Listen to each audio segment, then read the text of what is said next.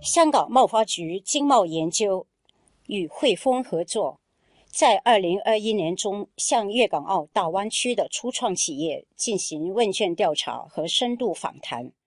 以了解大湾区初创生态系统的发展趋势和表现，以及初创企业对大湾区营商环境的意见。据此分析，如何加强香港作为大湾区的初创平台。调查发现，大部分粤港澳大湾区的初创企业对他们的发展前景感到乐观，超过七成受访者预期未来三年收入增长达到百分之二十五以上，其中百分之十八受访者甚至预期增长超过一倍。从事生物科技的初创企业对发展前景最有信心，将近三成受访者。预期未来三年收入增长超过一倍，大概三成大湾区初创企业计划在未来三年扩展市场。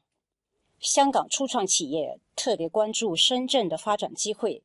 至于内地城市的初创企业，就希望打入广州和中山市场。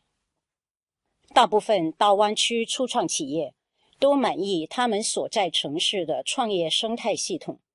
当中，新零售业初创企业的满意度最高，以十分为满分，超过九成给予七分或以上。随后的是新经济、资讯科技与硬件制造。为了进一步扩展业务，筹集资金是初创企业的首要任务之一。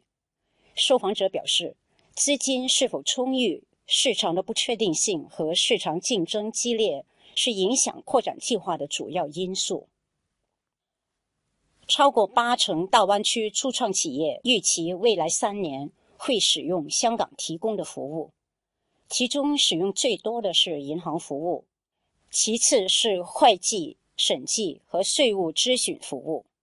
会展和交易会以及其他专业服务。香港银行提供的贸易服务是他们最常用的。例如进出口融资、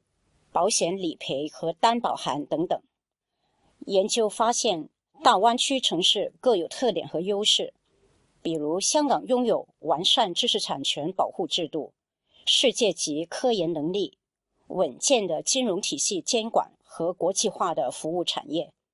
深圳具备国家级的科研设施和充裕的研发人才。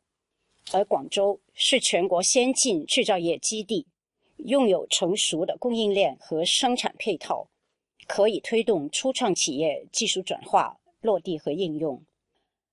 受到粤港澳大湾区的区域合作的带动，香港可以发挥在研发、国际化和国际金融中心的优势，聚集大湾区和全球各地的创新资源，推进初创生态系统的发展。